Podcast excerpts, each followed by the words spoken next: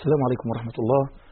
أيها الإخوة الأحباب تحية وسلاما وأهلا وسهلا بكم في لقاء جديد مع الدكتور راغب السرجاني وبرنامجنا وتلك الأيام. السلام عليكم يا دكتور. عليكم السلام ورحمة الله ازي حضرتك. الله يبارك فيك. آه، إحنا كنا توقفنا الحقيقة في لقائنا السابق في مسألة ضرب الرموز ودي كانت. قضية في منتهى الخطورة وكان كنت أتمنى أن يكون عندنا يعني مساحات واسعة عشان نقدر نتعامل مع هذه القضية لأنها أعتقد أنها قضية بناء وهدي ده عايز حلقات آه منفصلة عايز. حلقات منفصلة صحيح. الحقيقة إن شاء الله نوعد السادة المشاهدين وتوعدنا أن يكون لنا لقاء لقاءات منفصلة عن مسألة تحطيم الرموز يعني مم.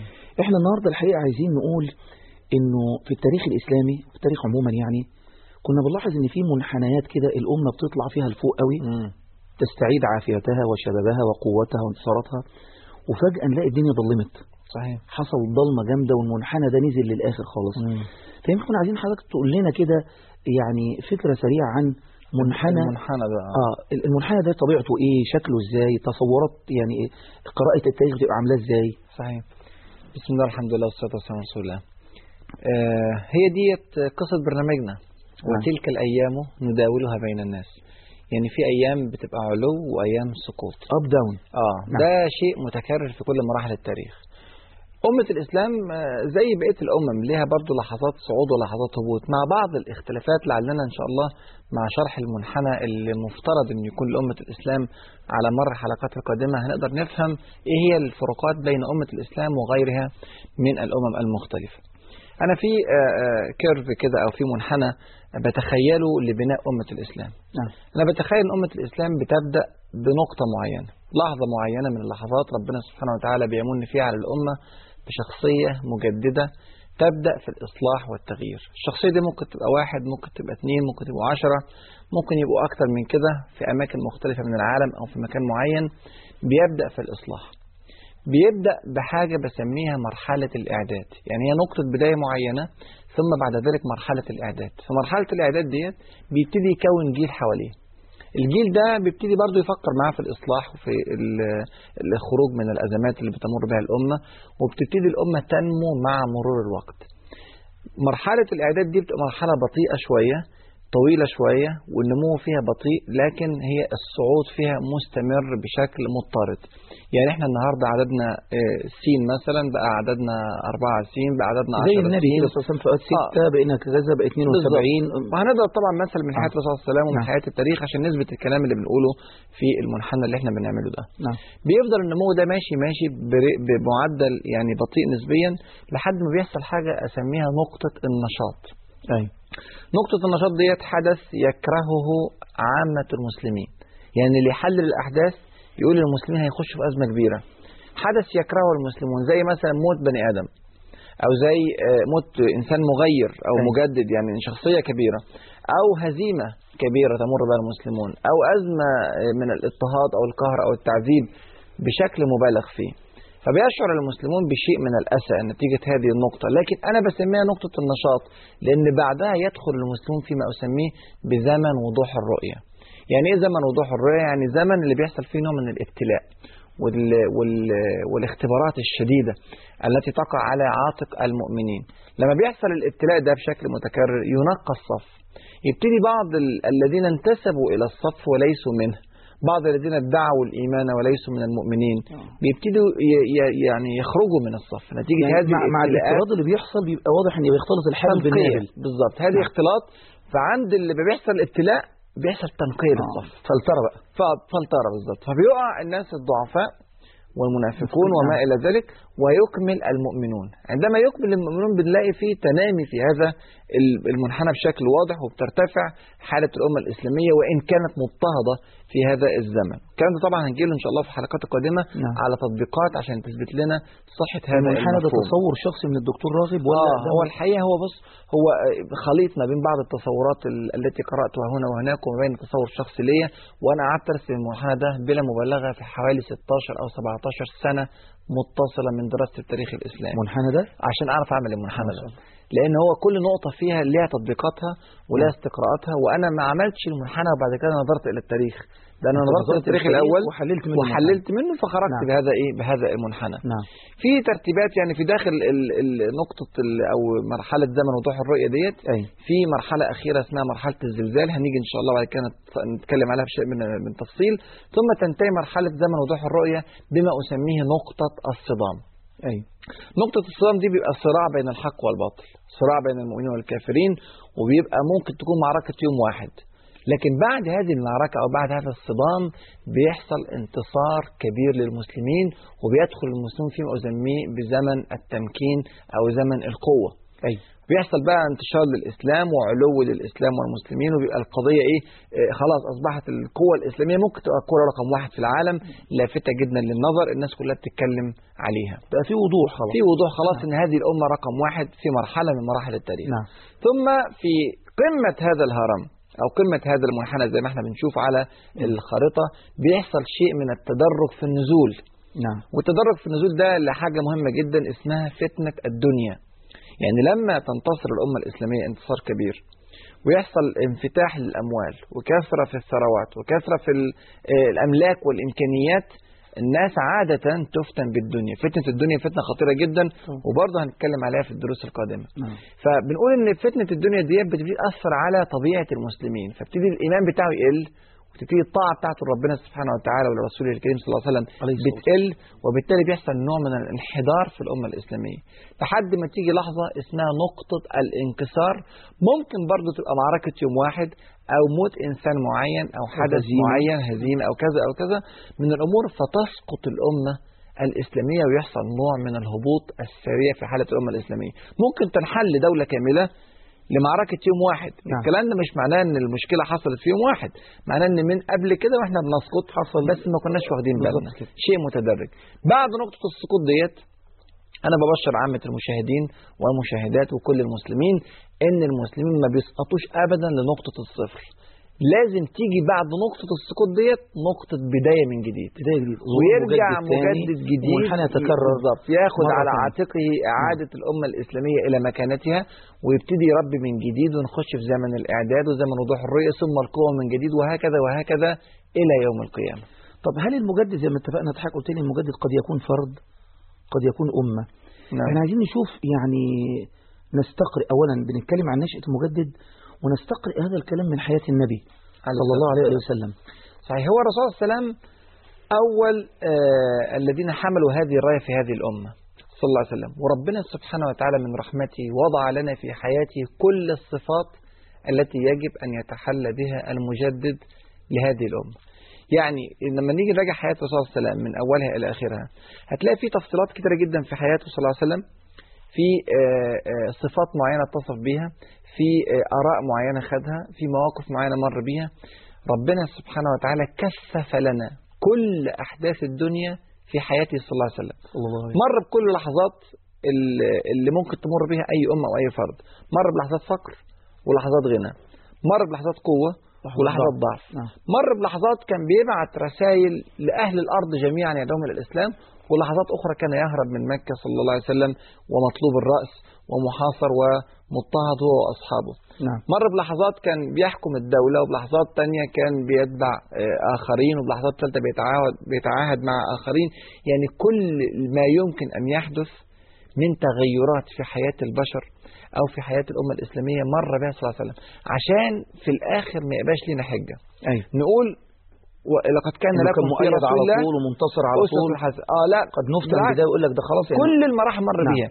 بحيث ان أنا ليا قدوة حسنة في الرسول صلى الله عليه وسلم في كل تصرف من تصرفاتي نعم. في مواقف ال ال الانتصار ليا قدوة حسنة فيه. وفي مواقف الهزيمة والمصيبة نعم، نعم. ليا قدوة حسنة فيه. مواقف اللي كثرت فيها الأموال ليا قدوة حسنة وفي المواقف اللي قلت فيها الأموال نعم. وكان يربط الحجر بحجرين على بطني من الجوع صلى الله ليا عليه فيه قدوة حسنة صلى الله عليه وسلم طيب إحنا بالنسبة للصفات يعني عايزين كده نقف وقفة آه، حتى يعني هل في ترتيب معين نعم آه، في في صفات المجدد يبدأ من من from A to Z ولا ممكن صفة تبقى تغلب صفة يعني عايزين نعم. نشوف ممكن إيه التصور عن صفات المجدد كويس. من خلال حياة النبي صلى الله عليه وسلم. والسلام. هو الشخصية المجددة لازم تتصف بصفات معينة لا يمكن أبدا أن يصبح مجددا بغيرها. نعم. لعل من أول هذه الصفات وأظهر هذه الصفات الإخلاص الكامل لله عز وجل. طبعا ده بخصوص أمة الإسلام. طبعا. يعني ممكن يكون في مجدد في غير أمة الإسلام في دولة كذا أو طالب كذا. دنيا وطالب شهرة آه طالب يعني ممكن يحقق نوع. من النجاح لكن عندنا في أمة الإسلام ربنا سبحانه وتعالى أبى أن يعز إلا من نصر دينه. نعم. لله عز وجل. وكان مخلصا لله. آه لازم يكون عنده إخلاص لله عز وجل. لازم يكون عنده تجرد لله عز وجل. ممكن تيجي شخصية آه، تاخد بعض المناهج الغربية أو الشرقية تحاول أن تصلح في أمة الإسلام بمناهج غير آه، آه، إسلامية أو بتوجه غير ربنا سبحانه وتعالى. هذه الشخصيات مهما عملت من جهد أبى الله عز وجل أن ينصرها. لابد أن يحصل لها هزة ويحصل لها سقوط لأنها مش ماشية تبع المنهج. ليه ربنا سبحانه وتعالى بيعمل كده؟ لأن لو حصل واحد انتصر بغير المنهج الإسلامي تصبح فتنة للناس. يصبح أن ممكن أنتصر بمناهج أخرى مختلفة. أيوة. لذلك ربنا سبحانه وتعالى جعل أهم الصفات التي يجب أن يتحلى بها المجدد لهذا الدين والناصر لهذه الأمة هو أن يكون مخلصا له سبحانه وتعالى. إحنا بنتكلم في, في, في قضية كبيرة قضية الإخلاص دي في أي مجال. في أي مجال من آه، يعني المجالات. حتى مش مش بس مسألة المجدد فقط يعني ال ال ال أي اللي عمل من. واللي- آه بالظبط أي عمل يعني هو أي ده عمل من العمدة. الأعمال. نعم. ولا يقبل منك عمل بغير, إخلاص. نعم. إخلاص وهو الصواب نعم. اللي هو موافقة السنة ال- النبوية في العمل. نعم. هتيجي تراجع حياة الرسول صلى الله عليه وسلم هتلاقي إنه إنسان متجرد لله في كل حركاته وفي كل تصرفاته. ما كانش يطلب لنفسه أموال ما يطلب ما يطلبش لنفسه ملك ما يطلبش لنفسه متاع ما يطلبش لنفسه أي شيء من الأمور التي يتكالب عليها الرؤساء والزعماء والملوك القرآني. في اي زمن. قل إن. صلاتي ونسكي ومحياي ومماتي لله. صح. رب وربنا سبحانه وتعالى يقول في الكتاب الكريم ولقد أوحي إليك وإلى الذين من قبلك لئن أشركت لا يحبطن عملك. ولا الله من. الخاسرين. فهذا التوجيه واضح. لرسول الله صلى الله عليه وسلم من اليوم الأول إلى الأخير في حياته وهو يعمل لصالح هذه الأمة لله عز وجل. تجرد لله. آه. فأي مجدد بقى من مجددي الأمة؟ راجع قصة عماد الدين زنكي راجع قصة صلاح الدين الايوبي راجع قصة قطز نور الدين. راجع قصة نور الدين نعم. راجع قصة العلماء من أبناء الأمة راجع قصة البخاري. قصة مسلم قصة النووي قصة ابن كثير الطبري. لله سبحانه وتعالى. أي إنسان أضاف إضافات لهذه الأمة ونتج عنها فعلا نفع لهذه الأمة لابد أن تجد أنه كان متجردا لله عز وجل. طب هذا فيما يخص مسألة ال ال ال ال ناحية الإخلاص ودي إحنا متفقين إن على رأس الهرم. نعم. بالنسبة للصفات اللي موجودة في المجدد من ناحية الأخلاق بقى لأن برضو إحنا يعني يعني آه الإخلاص وحده ليس كافيا إنه إحنا متفقين. إن دي سلسلة صحيح. مرتبطة كلها ببعضها صحيح ممكن واحد يكون فعلا مخلص لله عز وجل لكن عمله غير سليم وهو يقول إن نيتي سليمة لكن أنت غير موافق لما في السنة المطهرة راجع السنة نعم. المطهرة نعم وشوف حياته صلى الله عليه وسلم كان شكلها إيه تجد مثلا الأخلاق الحميدة من أول يوم من أيام حياة الرسول صلى الله عليه وسلم إلى آخر أيامه وهو متصف اتصافا كاملا بكامل الأخلاق الحميدة صلى الله عليه وسلم. هنعود حتى قبل هنعود أن يبعث. نعم هنعود مع الدكتور راغب السرجاني إلى صفات النبي صلى الله عليه وسلم ومكارم أخلاقه في مسألة الصفات التي يجب, التي يجب أن يتصف بها المجدد آه، في مسألة التاريخ الإسلامي. بعد هذا الفاصل تبقى. السلام عليكم ورحمة الله. آه، دكتور راغب قبل الفاصل كنا بنتكلم في صفات المجدد اتكلمنا في مسألة الإخلاص. وطبعا زي ما اتفقنا إنه دايما حضرتك بتدينا يعني سبوتات سريعة كده على أساس إن إحنا موضوع ممكن قد يحتمل كلام أكثر من هذا. ثم آه، أنا قطعت حضرتك عشان الفاصل في مسألة الصفات الأخلاقية التي يجب أن يتحلى بها المجدد آه، ليعيد للأمة نهضتها مرة ثانية. هو من أول هذه الصفات اللي بتلفت أنظارنا طبعا هو لازم يكون آه، متفوق في- في كل الصفات الأخلاقية. لكن في صفات مهمة أكثر من غيرها لازم يكون متميز جدا فيها. وارجع أراجع حياة الرسول صلى الله عليه وسلم أجد أن هو في حياته قبل أن يبعث وهو معروف بإيه؟ بالصادق الأمين. الأمين صلى الله عليه وسلم يعني لا يصلح أبدا أن يكون الإنسان مجددا لهذا الدين أو مصلحا لهذه الأمة أو مغيرا للأوضاع الفاسدة وهو كذاب آه. هذا مستحيل خلاص يعني إذا كذب فهو خرج بره دائرة المجددين والمصلحين بل خرج بره دائرة الصالحين. نعم. والكذب لا يقبل بحال من الأحوال نعم.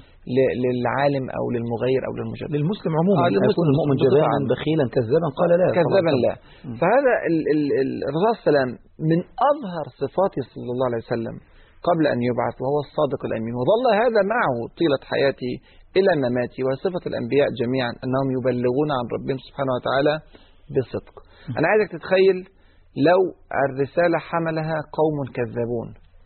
شوف اللي حصل في التزوير والتحوير في ال- في التوراة والإنجيل لأنه ال- الناس يعني ازدادت جرأتها على الله عز وجل حتى زورت عنه سبحانه وتعالى. نعم. وكذبت عليه يفترون على الله الكذب. نعم. يكتبون الكتاب بأيديهم ثم يقولون هذا من عند. الله. فهذا شيء خطير. يعني هذا الأمر لو حصل يبقى ممكن أنا أبني الأمة كلها على منهج فاسد لأنني أكذب أو لأنني أخون الأمانة. المجدد هذا قد يمتلك الدنيا. قد تأتي له الدنيا جميعا قد يكون زعيما على أمة بكاملها. نعم. فإن لم يكن أمينا ضاعت أموال البلاد ضاعت ثروات العباد ضاعت ال- حراميها آه ضاعت. يعني. نعم ضاعت ال- الوظائف وتحكمت الوساطة والرشاوى وال, وال يعني الاختلاس و يعني أزمات ضخمة لا تعود على. فرد آه نعم. لا تعود على فرد ولكن تعود على الأمة بكاملها نعم وطبعا عشان كده من أهم صفات وألزم صفات المجدد أن يكون أمينا نعم. لابد للمجدد أن يكون شجاعا قويا لأنه سيتعرض لفتن كثيرة جدا. لابد يكون عنده القدرة على أخذ قرار التغيير. عارف في ناس كثيرة جدا عندها الرغبة في التغيير لكن ما عندهاش القدرة على أخذ القرار. أن يأخذ القرار. إنه يقعد يحسب حسابات كتيرة جدا أنا ممكن أتعرض لكذا وكذا وكذا وكذا. نعم. ممكن يكون عنده القابلية للعمل لله عز وجل بس ما عندوش طاقة احتمال الأذى. لكن المجدد هذا رجل بذل نفسه لله عز وجل عظم قدر الله عز وجل حتى سقطت عنده كل الزعامات المختلفة وكل ال- القيادات وكل ال- الترهيب وكل ال- الإيذاء شد كل الأمور بسيطة جدا.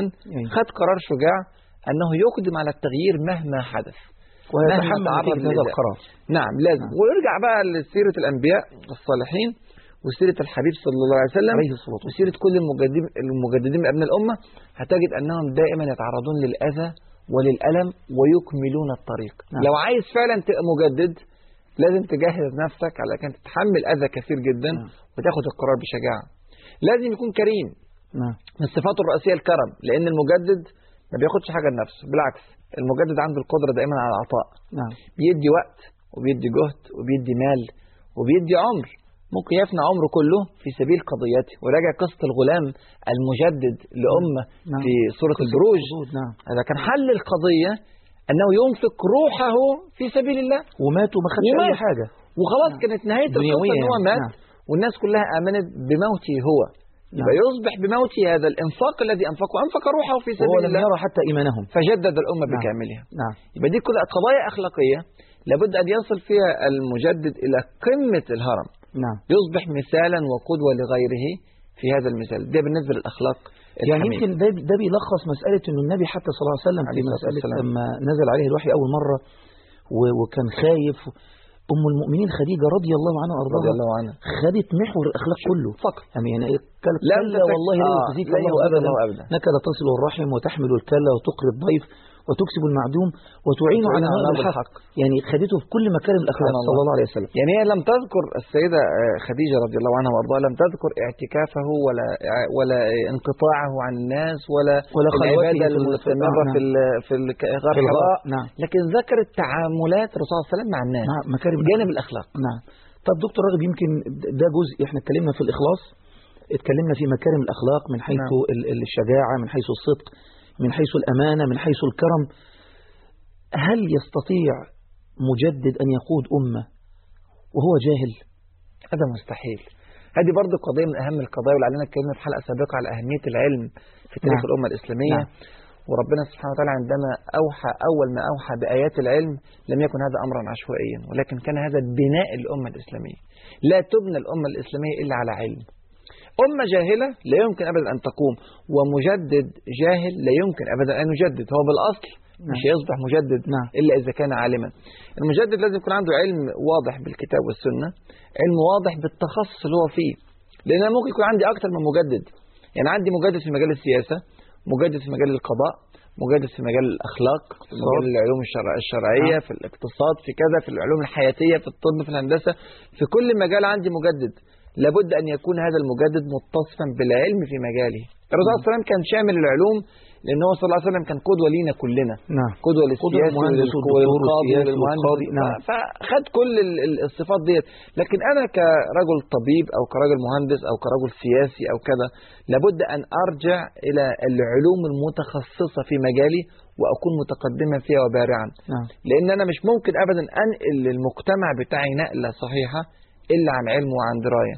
العقيدة النفسية زي ما قلنا فاعلم أنه أنه لا إله لا إلا الله لذنبك. لابد نعم. من لقضية العلم من البداية نعم نعم طيب آه، يمكن عايزين برضو آه، آه، آه، استكمالا في صفات المجدد انها قضية مهمة جدا قضية المجدد الناس بتنظر له بهذه الصفات الطيبة الأدوات اللي بيتحرك فيها بقى نعم. المهارات يعني ممكن إنسان يكون مخلص ممكن إنسان يكون عنده علم ممكن إنسان يكون عنده أخلاقيات آه، عالية. ها؟ عنده أخلاقيات عنده عاليه أخلاقيات عالية لكن الحقيقة ما عندوش مهارات القيادة إنه يقدر أيوة. يقود أمة يتحرك صحيح. بأمة.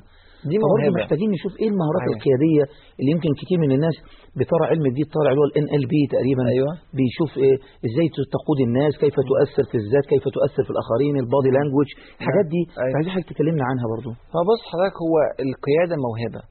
وربنا سبحانه وتعالى بيوزع المواهب بحكمة شديدة على العالم. فالقائد ده أو المجدد أو المغير لازم تلاقي عنده صفات القائد الحكيم عنده مثلا إيجابية. يعني في ناس ترى الأمور السلبية ولا تتحرك لها.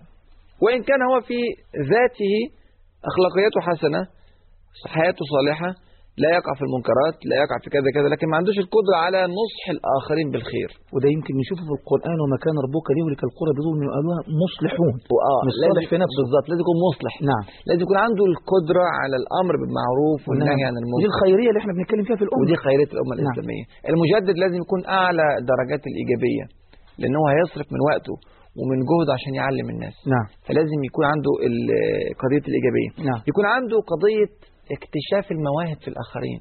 وراجع حياة الرسول صلى الله عليه وسلم. تلاقي ان هو يكتشف ان إن خالد بن الوليد رضي الله عنه هذا رجل عسكري.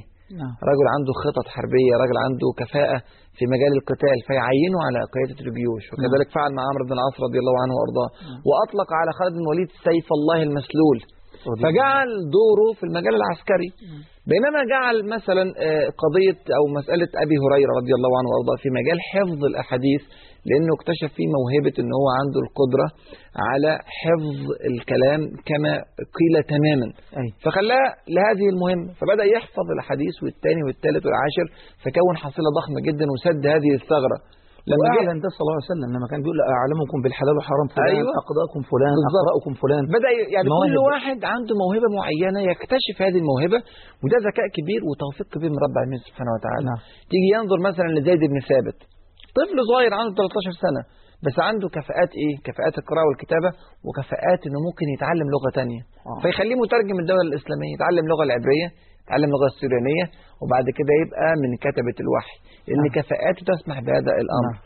كما ما راحش أرسله لميدان الجهاد والقتال أو أرسله في كذا أو كذا كل واحد ليه دور حتى لما جه يدعو لعبد الله بن عباس رضي الله عنه وأرضاه قال اللهم فقهه في الدين وعلمه التأويل. نعم. اشمعنى هذه الدعوة لهذا الإنسان بالذات؟ لأن شايف فيه حب العلم وحب طلب ال- ال- القراءة وال- والقرآن والسنة وعنده الذكاء الذي يجعله يستطيع أن يستنبط الأحكام. فدعا له بهذه الدعوة فصار عبد الله بن عباس حبر الأمة مسألة تفعيل الطاقات. تفعيل الطاقات. يعني, عايز- كل واحد في مجاله. نعم نعم بحيث إن يبقى في تكامل. يعني مش معنى إنه في صحابي. قوي البنيان قوي ما عندوش علم خالص. إنما النبي بي- صلى الله عليه وسلم بيفعل الطاقة العالية اللي عنده ويبرزها ويظهرها صلى الله عليه وسلم. نعم. آه، ال- المجدد لازم يبقى عنده واقعية. يعني ما يخبطش في الصخر. يعني المجدد بيشوف الأحداث اللي قدامه. يا ترى أنا دلوقتي في ظروف تسمح لي بفعل آه، آه، معركة مع الكفار ولا بفعل معاهدة مع الكفار ولا بتجنب القتال كلية؟ واقعي بيحسب الحسابات بشكل منطقي حتى لا يهلك الطاقة التي معه. متهور. لا ابدا. الرسول صلى الله عليه وسلم في حياته فترة مكة زي ما إن شاء الله نتعرض في الحلقات القادمة كان الصحابة نفسهم يطلبوا منه أنه يجاهد ويقاتل بسيفه ويقول لم أمر بقتال. هذه المرحلة لا يمكن ابدا أن نقاتل فيها. مع أن الحماس اللي ممكن تكون موجودة جوه قلوب المسلمين إن لا نقوم ونقتل وحتى لو متنا نموت إيه؟ شهداء. نموت شهداء. لكن هو بيحسبها بواقعية. ويشوف يا ترى ممكن فعلا أقاتل ولا ولا المفروض أجل هذا الأمر؟ نعم نعم. يا ترى ممكن أتحالف مع هذا الفريق ولا أتحالف مع هذا الفريق؟ هو واقعي أيضا. هو لا يتنازل عن قرآن ولا سنة لا يتنازل عن دينه لا يتنازل عن عنده أخلاقياته عنده ثوابت واضحة جدا لكن في نفس الوقت واقعي يقول والله المرحلة دي مرحلة تعهد المرحلة دي مرحلة صدام مرحلة آه، آه، عفو مرحلة يعني آه، هذا يعني في مرونة في المتغيرات نفسها. الثوابت خلاص إحنا متين منها في إطار الضوابط الشرعية. يبقى في مرونة. هو في مرونة نعم. وهو لا يخرج أبدا عن ضوابط الشرع لكن عنده واق- واقعية يقدر يحدد المرحلة اللي عايش فيها ويختار لها ما يناسب. نعم. المجدد برضه بيكون متفائل. لأن طبعا إحنا أرجوك تدوس لنا عليه شوية في غاية لأن الأهمية. إحنا عندنا يمكن النظرة التشاؤمية آه، للحالة الإنهزامية اللي إحنا فيها دي صحيح.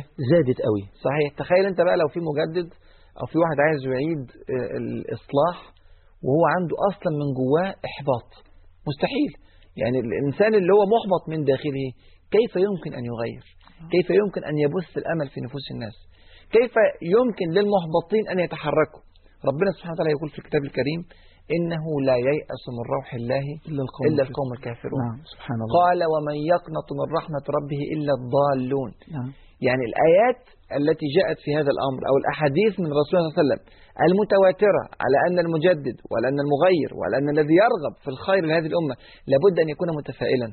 ولابد أن يكون مبشرا. دكتور راغب مع النبي في موقف خباب بن الأرط شفناه في موقف سراقة بن مالك في الهجرة صحيح. كان متفائل شفناه في غزوة الأحزاب الدنيا حواليه عاملة إزاي الله أكبر وأعطيته مفاتيح فارس الله أكبر كان. بيبعث التفاؤل في قلوب بغير. التفاؤل لن يمكن أبدا للأمة أن تقوم نعم لما تيجي تراجع سير المج- المجددين في تاريخ الأمة الإسلامية سواء في عهد الرسول صلى الله عليه وسلم في العهود التي تلت زي ما إن شاء الله نتعرف في البرنامج لبعض المواقف نعم هتجد أنها صفة لازمة لكل مجدد ومغير نعم. أنه متفائل وينظر إلى المستقبل بابتسامة وبرفق وبلطف ويعلم أن النصر في النهاية للمسلمين وأن العاقبة للمتقين.